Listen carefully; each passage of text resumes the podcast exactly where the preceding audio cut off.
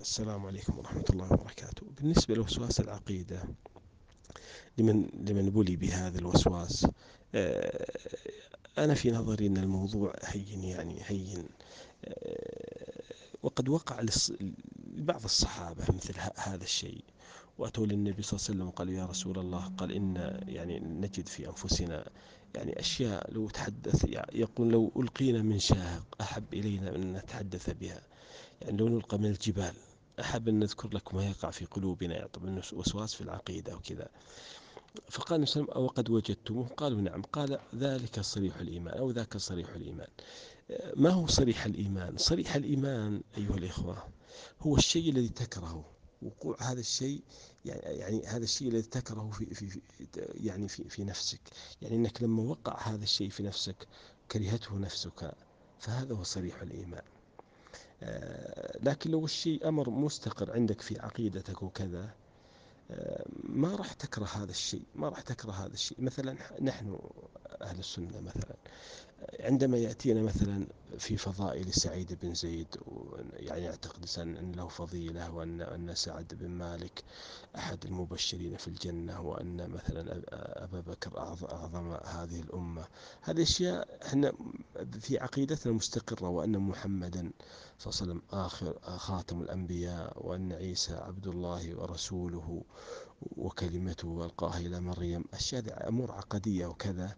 فحنا تمر في أذهاننا هذه العقيدة بردا وسلاما. ما نجد أي شيء يضيقنا منها. لكن لما تأتينا عقيدة مخالفة يبدأ الإنسان يتضايق يشعر بالضيق ويبدأ يتضايق. فأنت الآن أنت الآن عندما تشعر بالضيق وتتضايق هذا هو صريح الإيمان لأنك تضايقت من هذا الشيء. لو لو ألقى في في ذهنك الوسواس مثلا أن عيسى عبد الله ورسوله كلمته إلى مريم ما راح تتضايق. عادي يمر عليك الأمر. بالعكس هذا ما تعتقد. لو ألقى إليك أن أبا بكر وعمر أعظم الأمة بعد نبيها ما راح تتضايق. أنت ترى أن الأمر عادي. لكن لو جاك ألقى لك مثلا في أبي بكر أو في عمر رضي الله عنه كلاما غير لائق. أنت لا تتضايق لأنه يخالف عقيدتك. هنا مسألة أحببت التنبيه إليها أنه ما يقع في قلبك. لست مسؤولا عنه. المسؤول عنه الذي ألقاه في قلبك الوسواس هذا الشيطان سيحاسب عن ذلك يوم القيامة. أنت لن تحاسب. أنت يكفي أنك لن, لن تقل ذلك. لم تقل ولا لا قلت ولا ولا فرحت بهذا الشيء. ولا فرحت بهذا إنما هذا أمر غير مقبول عندك. فما ما في داعي إنسان يتكلف ببعض الحركات يرفع يديه وبعضهم يقول لا إله إلا الله يرفع صبعه كذا وفي يعني كل هذه الأشياء. فأنت لم تقل شيء هو المسؤول عن هذا له رب سيحاسبه الله عز وجل سيحاسبه. أنت لم تقل ولم ولم تفرح بهذا الشيء يعني لا فرحت به. ولا قلته ولا كتبته تعمل به شيء أوقعه الله عز وجل في نفسك.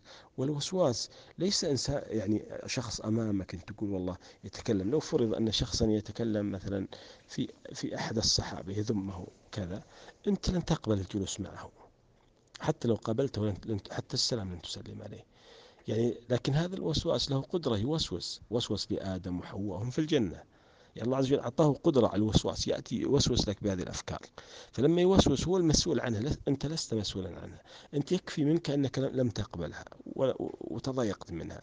هذا القبول عدم القبول لها والتضايق منها هذا يا أخي بشرى محمد صلى الله عليه وسلم أنها صريح صريح الإيمان. هنا مسألة لاحظت أنا بعض يعني عند البعض وكذا. يأتي الشيطان يلبس عليه يعني يلقي الفكرة في فيه فيه ويحاول إيهامه يعني مثل هذه العقيدة مثلا هذا الشيء الذي مخالف للعقيدة مخالف لما يعتقد. فيأتي يلقي في نفسه هذا الشيء ثم يقول له ثم يوهمه أنه محب لهذه الفكرة وأنه متحمس لها. لا أبدا ليس متحمس. ولذلك يكثر سؤاله. هو متضايق من الداخل بس هو الآن ضعف تركيزه يعني ما هو قادر يتصور المسائل. يعني الشيطان تسلط على نيته. تسلط عليه قام تصوره ضعيف للأشياء. ما يدري يعني يظن أنه هو الذي يعتقدها وذاك يتضايقون كثير من الناس يتضايقون من هذا الموضوع. لكن في الحقيقة أنت لست مسؤول عن ذلك. الشيطان هو المسؤول وأنت يكفي منك يكفي منك أنك, أنك كرهت هذا الشيء سواء بلسان الحال أو لسان المقال. لسان الحال إذا اشتكى الإنسان قال والله أخي أنا أجد في نفسي يعني ليس عفوا لسان المقال إذا اشتكى الإنسان قال والله أنا أجد في نفسي هذا الشيء تضايقت منه. ولسان الحال بعضهم يقول أخي أنا أشعر بارتياح وكذا لكن هو في الداخل متضايق لذلك يسأل. لكن لو لو كان الموضوع مسألة عقدية يعتقدها هو ما تضايق ولا سأل عنها ولا ولا ولا عبرها ولا قال ترك الموضوع على ما هو عليه. فالإنسان انتبه من حيل الشيطان.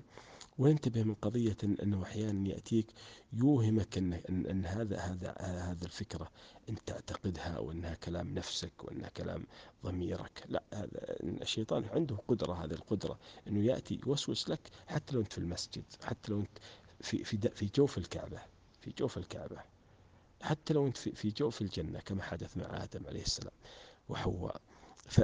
لكنك الآن ينبغي أنك ما تلقي هذه الفكرة بالا. خسرها في في اللهجة العامية عندنا.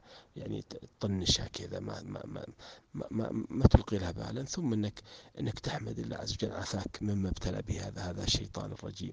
يعني هذا هذا هذا هذا يعني هذا الحب للصد عن سبيل الله.